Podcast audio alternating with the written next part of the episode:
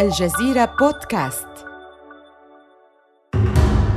إنه مارس عام 1949 يقف هيروشي ياماوتشي البالغ من العمر 22 عاماً أمام مقر نينتندو في مدينة كيوتو اليابانية المدينة التي كانت عاصمة الإمبراطورية اليابانية لأكثر من ألف عام. يبدو مبنى نينتندو الحجري مميزا بين مباني المدينة الخشبية. يتأمل ياماوتشي المبنى غير المألوف لبرهة قبل أن يتحرك قاصدا المدخل.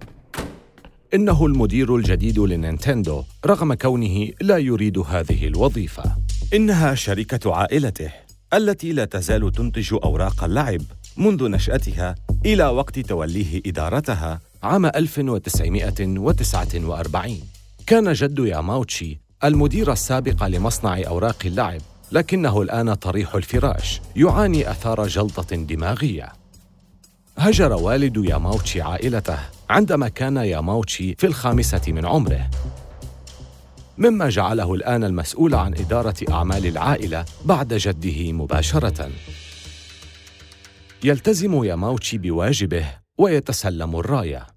لكنه وبعد توليه المنصب مباشرة يتجاوز الأعراف والتقاليد. إنه يعلم أن لا أحد يريده في هذا المنصب. يحسده أقاربه ولا يروق لكثير من العاملين في نينتندو فكرة أن يكون مديرهم هو ذلك المتغطرس الغني الذي لم يثبت كفاءته بعد ببدلته الأنيقة وأظافره الناعمة. بينما كان ياماوتشي يعبر بوابة نينتندو وبهو الاستقبال الرخامي يرمقه الموظفون بنظرات ازدراء. يهمس أحد الموظفين قائلاً لا يعلم ياماوتشي أي شيء عن شركته؟ ويضيف موظف آخر قائلاً سيفشل حتماً. بدلاً من أن يدرس ياماوتشي بجد أمضى سنوات عديدة في كلية الحقوق يضيع أموال عائلته على زيارة مطاعم اللحوم الغربية الأنيقة والانغماس في شرب البراندي والنبيذ غالي الثمن. يرى الموظفون أنه لن ينجح بسبب أنانيته وكسله. كان الموظفون يستخفون بمديرهم الجديد لأنهم لا يعلمون أن وراء هذا المظهر الأنيق للشاب الثري المدلل رجلا ذا إرادة فولاذية كان ياماوتشي يعرف جيدا ما هو القرار الأول الذي عليه اتخاذه وهو ما سيصدم الجميع. يجلس في مكتبه ويستدعي ابن عمه المنافس الوحيد له كوريث لنينتندو ويطرده على الفور.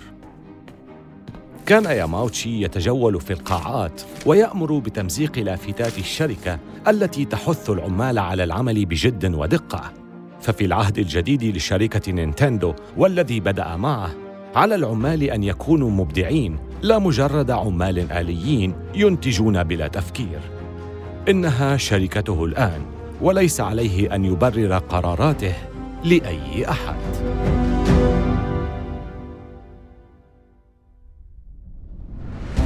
من الجزيرة بودكاست بالتعاون مع وونري. هذا بودكاست حروب الأعمال.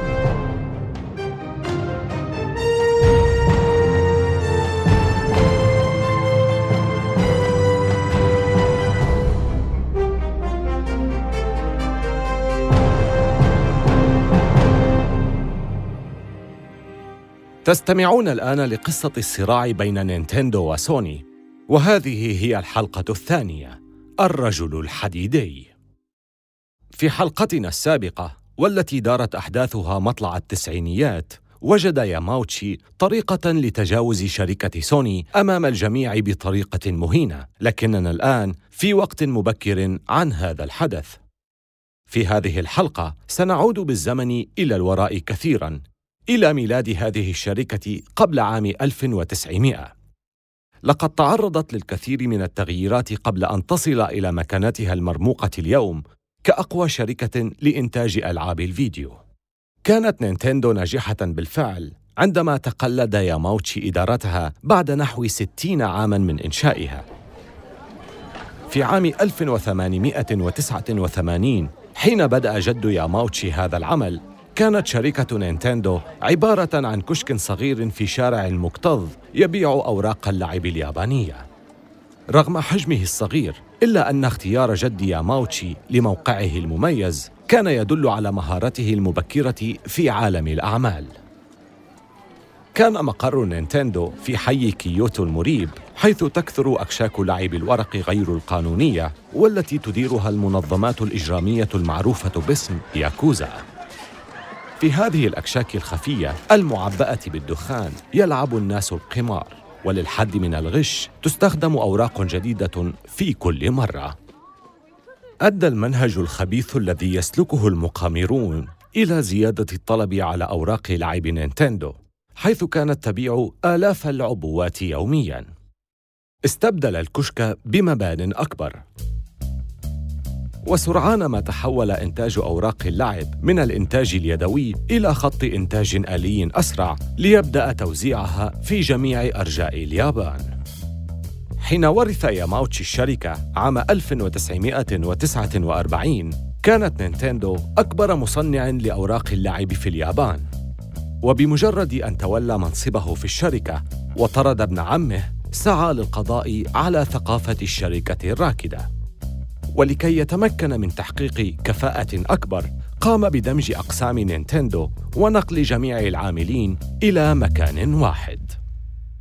رد اتحاد العمال على ذلك الفعل بالدعوة للاحتجاج ويوما بعد يوم يتجمع العمال الغاضبون خارج مقر نينتندو حيث أقاموا معسكرا وملأوه باللافتات المطالبة برحيل ياماوتشي. أضرب بعض العمال عن الطعام وجلسوا في وضع القرفصاء لساعات على صناديق خشبية في الشوارع مشيرين إلى إصرارهم على تنفيذ مطالبهم. لكن ياماوتشي رفض حتى التفاوض معهم. اتهم العمال المحتجون ياماوتشي في الصحف بأنه غير كفء ومستبد. سنه الصغيرة وأسلوبه الفظ لا يؤهلانه لإدارة نينتندو بشكل فعال. استمر هذا الوضع عدة أسابيع، لكن ياماوتشي يقرر وضع حد لما يحدث. وفي صباح أحد الأيام، بينما يتجمع العمال أمام شركة نينتندو، يخرج إليهم أحد مساعدي ياماوتشي من المبنى. حاملا في يده مجموعة كبيرة من الخطابات يوزعها على العمال المحتجين صدم العمال لما وجدوه كانت الخطابات المصدقة بتوقيع ياماوتشي تعلمهم بأنه قد تم فصلهم. انتهى الإضراب وانتهت معه كل المعارضات التي واجهت ياماوتشي مع توليه إدارة نينتندو بفرض قبضته الحديدية على الشركة. صحيح أن ياماوتشي قد غير من ثقافة العمل داخل نينتندو إلا أن تغيير طبيعة العمل نفسه ستستغرق عشر سنوات أخرى. فنينتندو لا تزال تصنع أوراق اللعب كما كانت تفعل منذ سبعين عاماً. لكن كل ذلك على وشك أن يتغير بفضل بعض شخصيات الكرتون.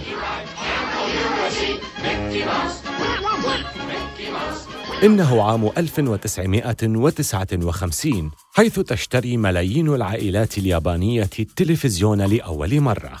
وسبب هذا الإقبال المفاجئ على شراء التلفزيون واضح. ففي غضون أسابيع قليلة سيتزوج ولي العهد الياباني وسيذاع حفل الزفاف مباشرة للشعب.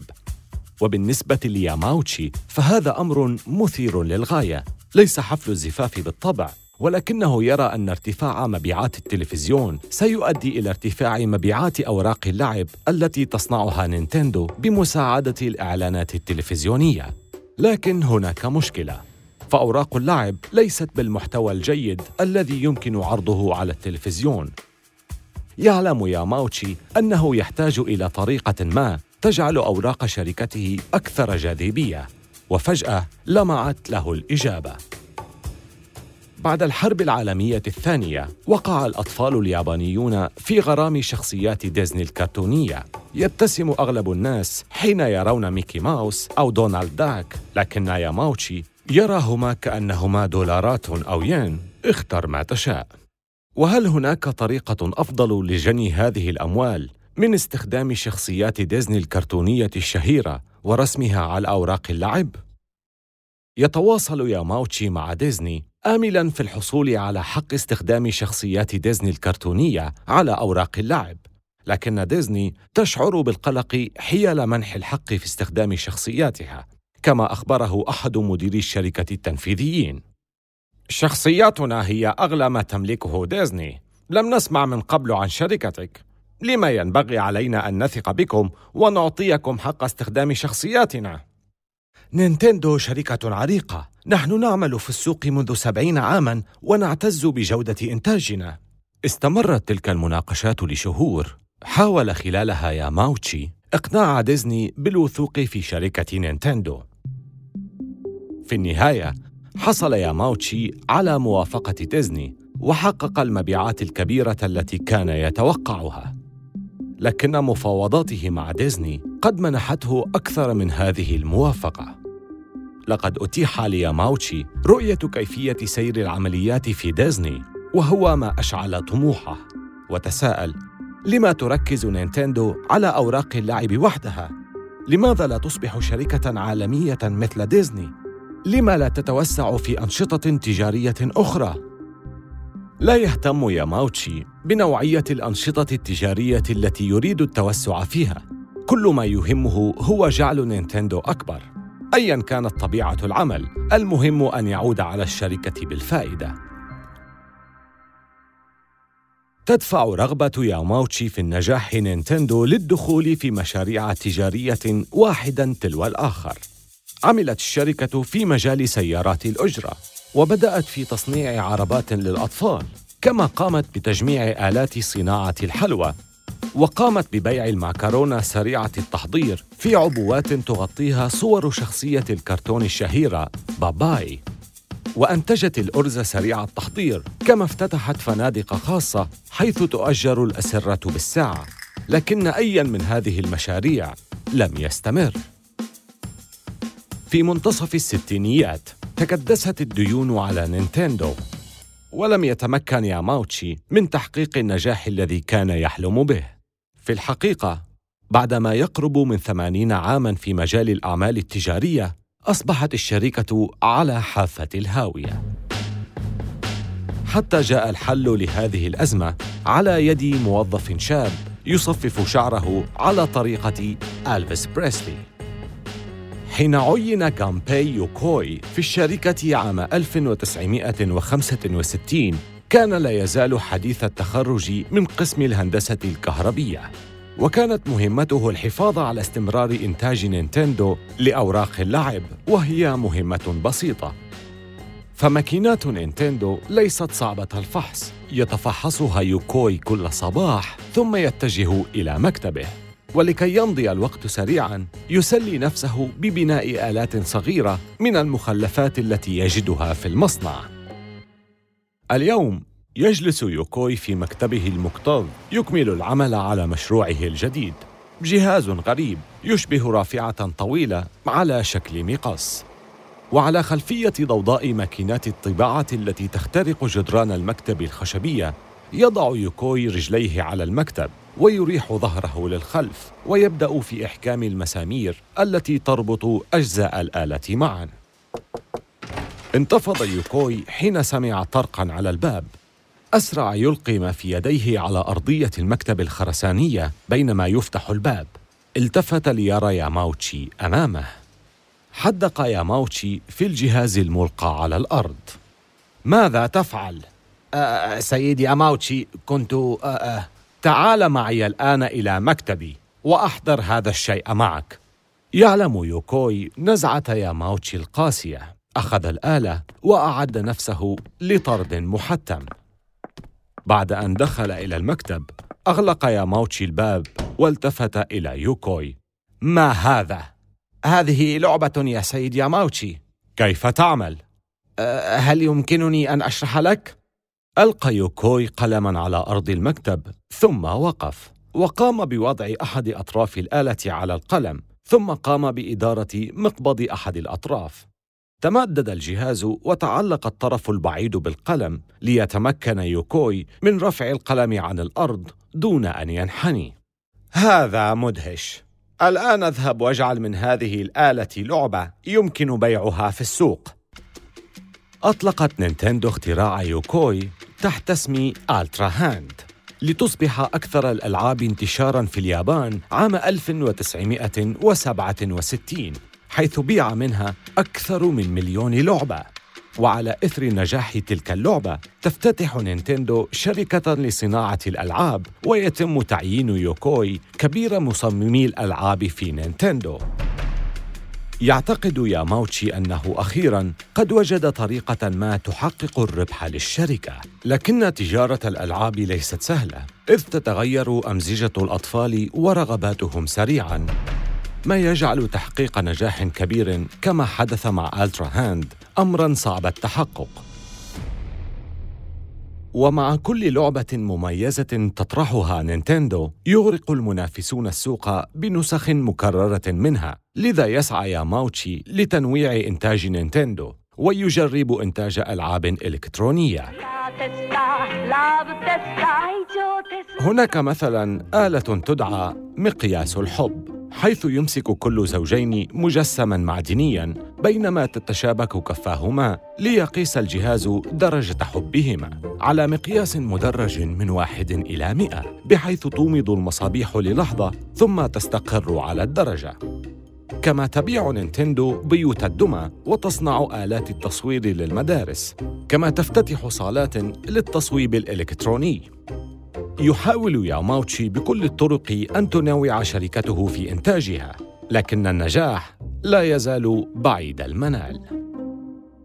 مع حلول منتصف السبعينيات لا تزال نينتندو مثقلة بالديون بسبب تجاربها الفاشلة.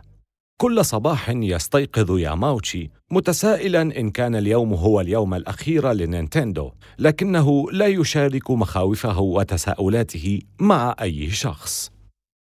لا يزال في نظر موظفيه كما اعتادوا رؤيته المدير المسيطر المخيف بارد المشاعر. وفي نظر عائلته لا يزال هو الأب الغائب البعيد الذي يستحوذ عليه العمل ولا يتيح له قضاء أي وقت ممتع معهم. إنه عام 1976 ينشغل ياماوتشي في مكتبه بالاطلاع على تقارير الميزانية الأخيرة. كانت التقارير مروعة. ثم يرن جرس نظام الاتصال الداخلي الموجود على مكتبه. كان اتصالا من سكرتير ياماوتشي. سيد ياماوتشي لديك اتصال من شركة ميتسوبيشي إلكتريك. ماذا يريدون؟ لم يخبروني سيد ياماوتشي. هل تحب أن أبلغهم بأي رسالة؟ لا أوصلني بهم. يحول السكرتير الاتصال ويلتقط ياماوتشي الهاتف. ياماوتشي يتحدث. مرحبا سيد ياماوتشي أتصل بك لأن لدينا منتجا نعتقد أنه سيحقق الكثير من الأرباح لنينتندو. هل يمكننا أن نأتي لعرضه عليك؟ يوافق ياماوتشي على هذا الاجتماع بدافع الفضول. ليس الفضول وحده في الحقيقة بل إنه يائس وهو يحاول إنقاذ شركته. وكما سيتضح لاحقا فإن هذا اللقاء سيغير مستقبل نينتندو تماما.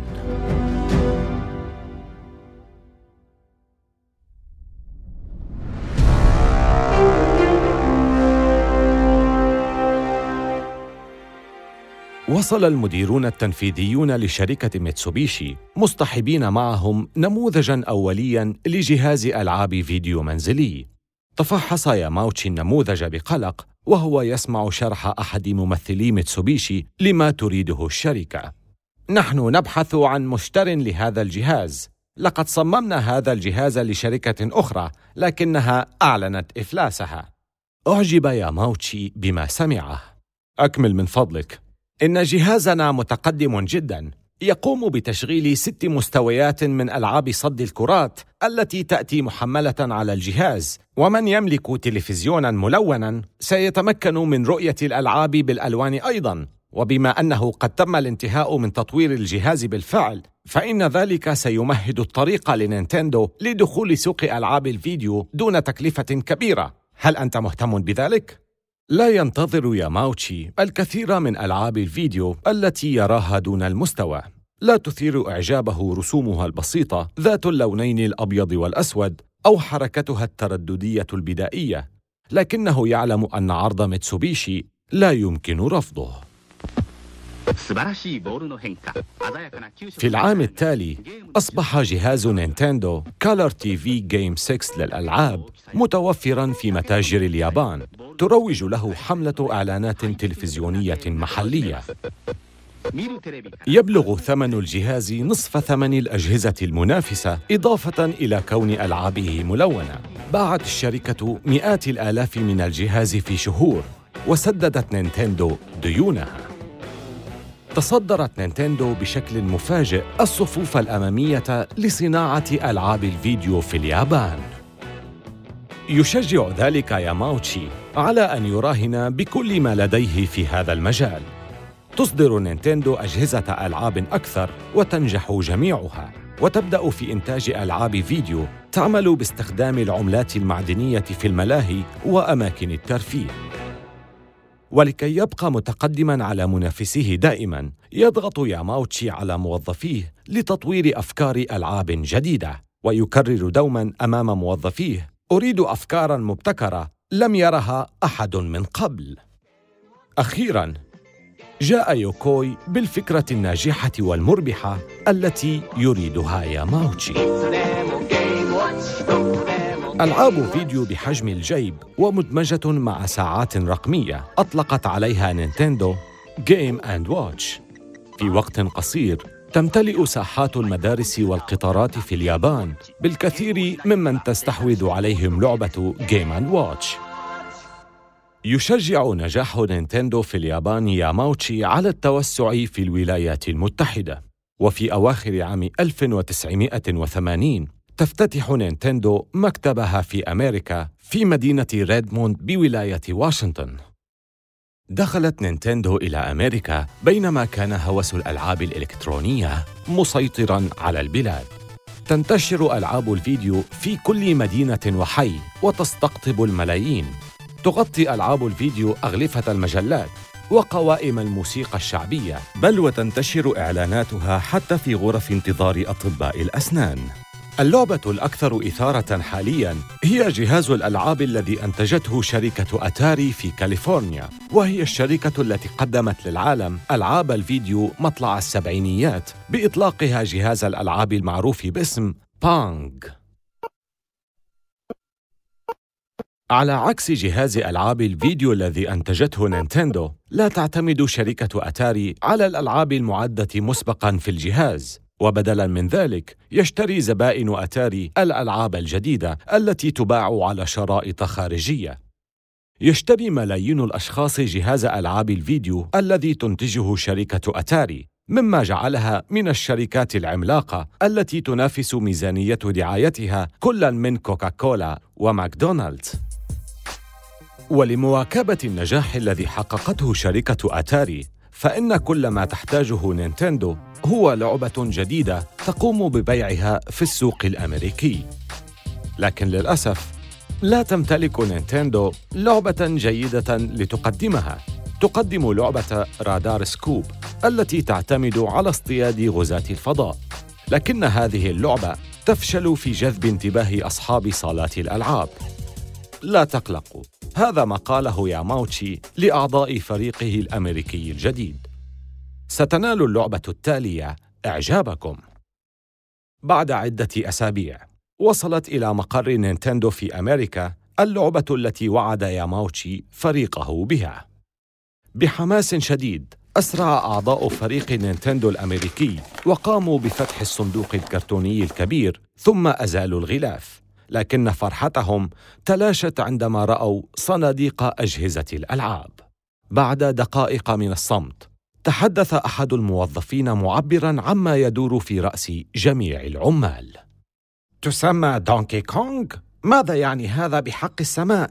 ما هو دونكي كونغ ويزداد قلق الفريق بمجرد تشغيلهم للعبة.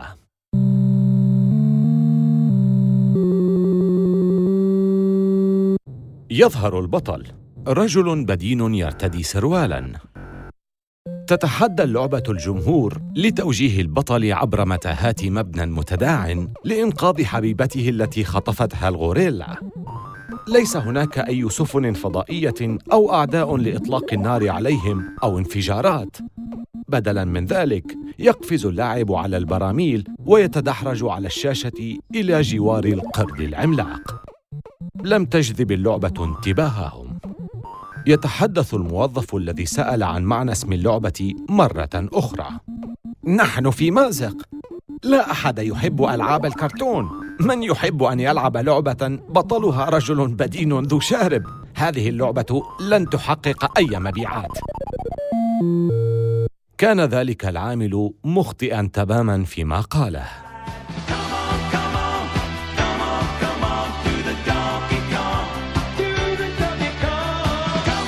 منذ اللحظة التي وصلت فيها دانكي كونغ إلى الصالات عام 1981 أصبحت حديث المدينة. حلت دانكي كونغ مكان لعبة باك مان وأصبحت لعبة الموسم، وجعلت من بطلها البدين ماريو نجماً معروفاً. تلهم لعبة دانكي كونغ مغني البوب لتقديم أغنيات حولها. كما يتم استثمار الشخصية في إنتاج مسلسل كرتوني يعرض صباح كل سبت بل وتحول اسمه لعلامة تجارية تبيع حبوب الإفطار. مسلحا بالملايين التي كسبها بفضل دانكي كونغ يقرر ياماوتشي منافسة شركة أتاري بجهاز ألعاب فيديو يدعم الأشرطة من إنتاج شركته. طلب من مهندسيه إنتاج جهاز ألعاب يمكنه أن يقضي على جهاز شركة أتاري. وكانت النتيجة هي نينتندو Entertainment System الذي عرف اختصارا ب NES الآن يصبح جهاز نينتندو NES أحد أجهزتها التي تحقق مبيعات قياسية في اليابان. وخلال أشهر من إطلاقه عام 1983 لا تكاد نينتندو تلبي الطلب المتزايد باستمرار على الجهاز. مع تدافع أطفال اليابان على ألعاب جهاز نينتندو الجديد تتضح خطوة ياماوتشي التالية. حان الوقت لكي يعبر NES المحيط الهادئ ويغزو الولايات المتحدة. لكن السؤال الآن هو هل سيصل الجهاز متأخراً؟ عام 1984 في معرض الإلكترونيات الاستهلاكية في لاس فيغاس حيث تعرض أكبر المنتجات الإلكترونية كل عام. يبدو أن فريق نينتندو الأمريكي لا يقضي وقتا جيدا. عندما عرض الفريق نينتندو Entertainment System للمرة الأولى على التجار الأمريكيين كان رد فعلهم سيئا للغاية.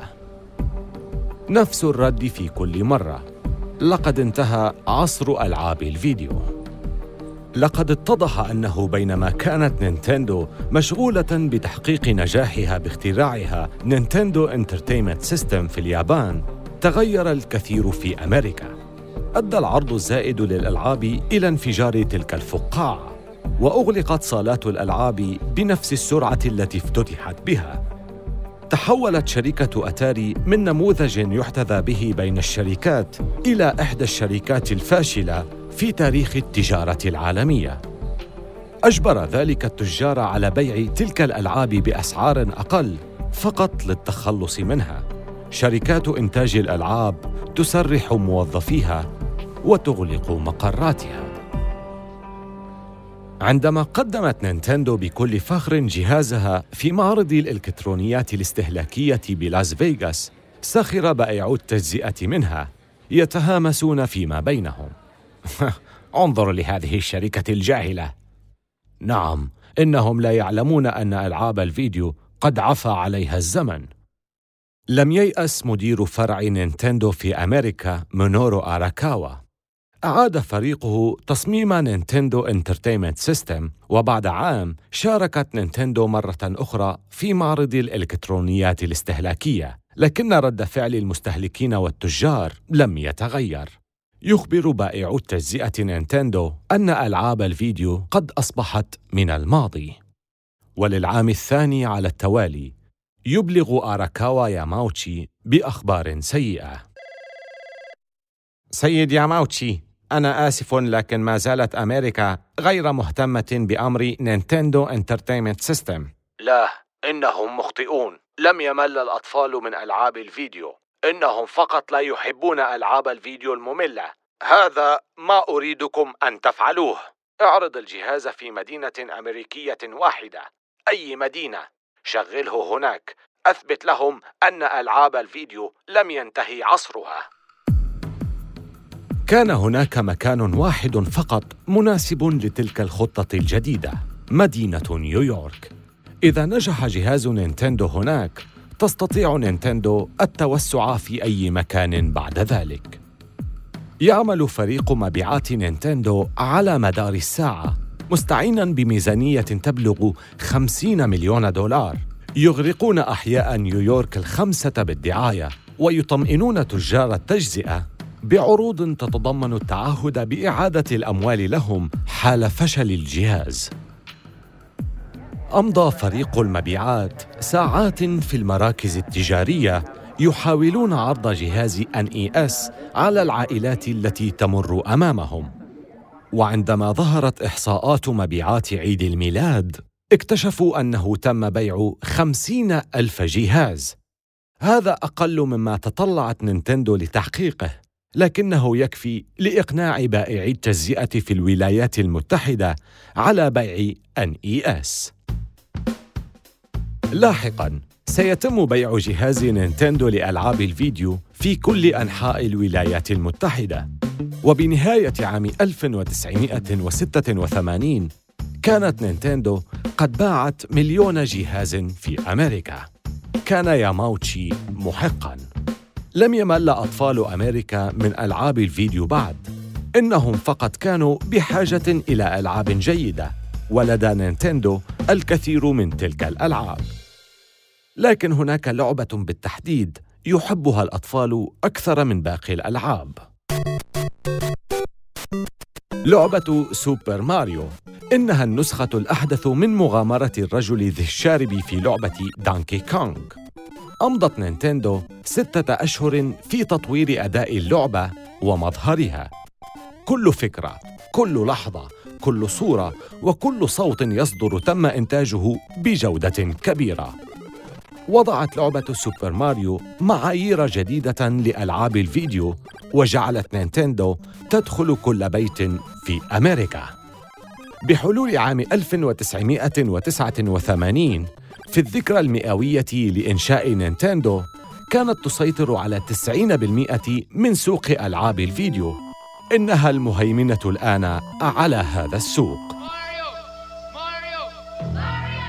إصدار عام 1990 من لعبة سوبر ماريو 3 يلفت النظر إلى الحجم الذي بلغته الشركة في تلك الفترة. حققت تلك اللعبة إيرادات تزيد عن نصف تريليون دولار، حتى إنها تفوقت على أرباح فيلم E.T. للمخرج ستيفن سبيلبرغ. نعم، حققت لعبة سوبر ماريو أرباحاً أكثر من أرباح فيلم إي تي وأصبحت معروفة للأطفال أكثر من ميكي ماوس. النسخة الجديدة من سوبر ماريو 3 نينتندو. لم يحاكي ياماوتشي ديزني كما كان يحلم بشركته نينتندو بل إنه قدم أكثر من ذلك. لقد قام بتصميم شركة ديزني جديدة لكنها ديزني خاصة لألعاب الفيديو. دخلت نينتندو مئويتها الثانية وبدا الأمر وكأن شيئا لا يمكنه إيقافها. حتى إن شركة بحجم سوني تعرف أنها ستحتاج إلى مجهود جبار لكي تسقط تلك الشركة العملاقة. في الحلقة التالية سيخوض فريق بلاي ستيشن معركته داخل شركة سوني للإبقاء على المشروع قائماً. كما سيواجهون سوق ألعاب الفيديو المخلصة لنينتندو.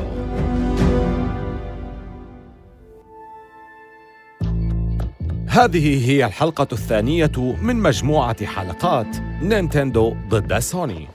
آمل أن تكونوا قد استمتعتم بهذه الحلقة من حروب الأعمال.